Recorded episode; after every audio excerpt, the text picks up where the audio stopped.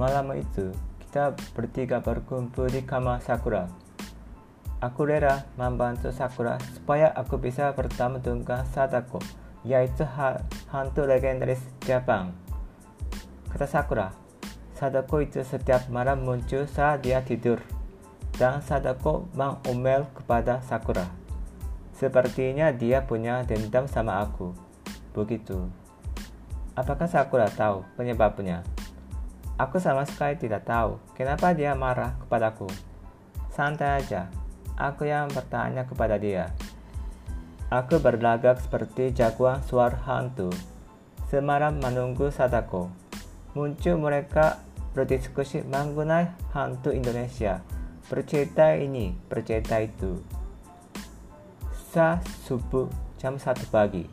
Tiba-tiba lampu kamar berkedip-kedip. Aku merasakan aura hantu yang berada di kamar ini. Saat aku muncul di hadapan kita. Siapa kamu? Saat aku memperhatikan aku. Aku pocong. Pocong? Kenapa hantu Indonesia ada di Jepang? Itu cerita panjang. PTW, kenapa kau menakuti Sakura? Aku bukan Sadako. Namaku Kaori. Aku mengamati Kaori. Dia berambut berambut hitam, panjang, dan lurus, memakai baju tasta polos putih. Penampilannya mirip dengan Sadako, tapi ternyata Kaori itu hantu biasa. BTW, kenapa kamu menakuti aku? Kamu menggoda Adi. Adi sangat kaget ketika disebut namanya. Kamu Kaori?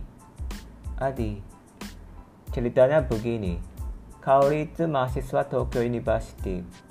Dia ambil fakultas Science.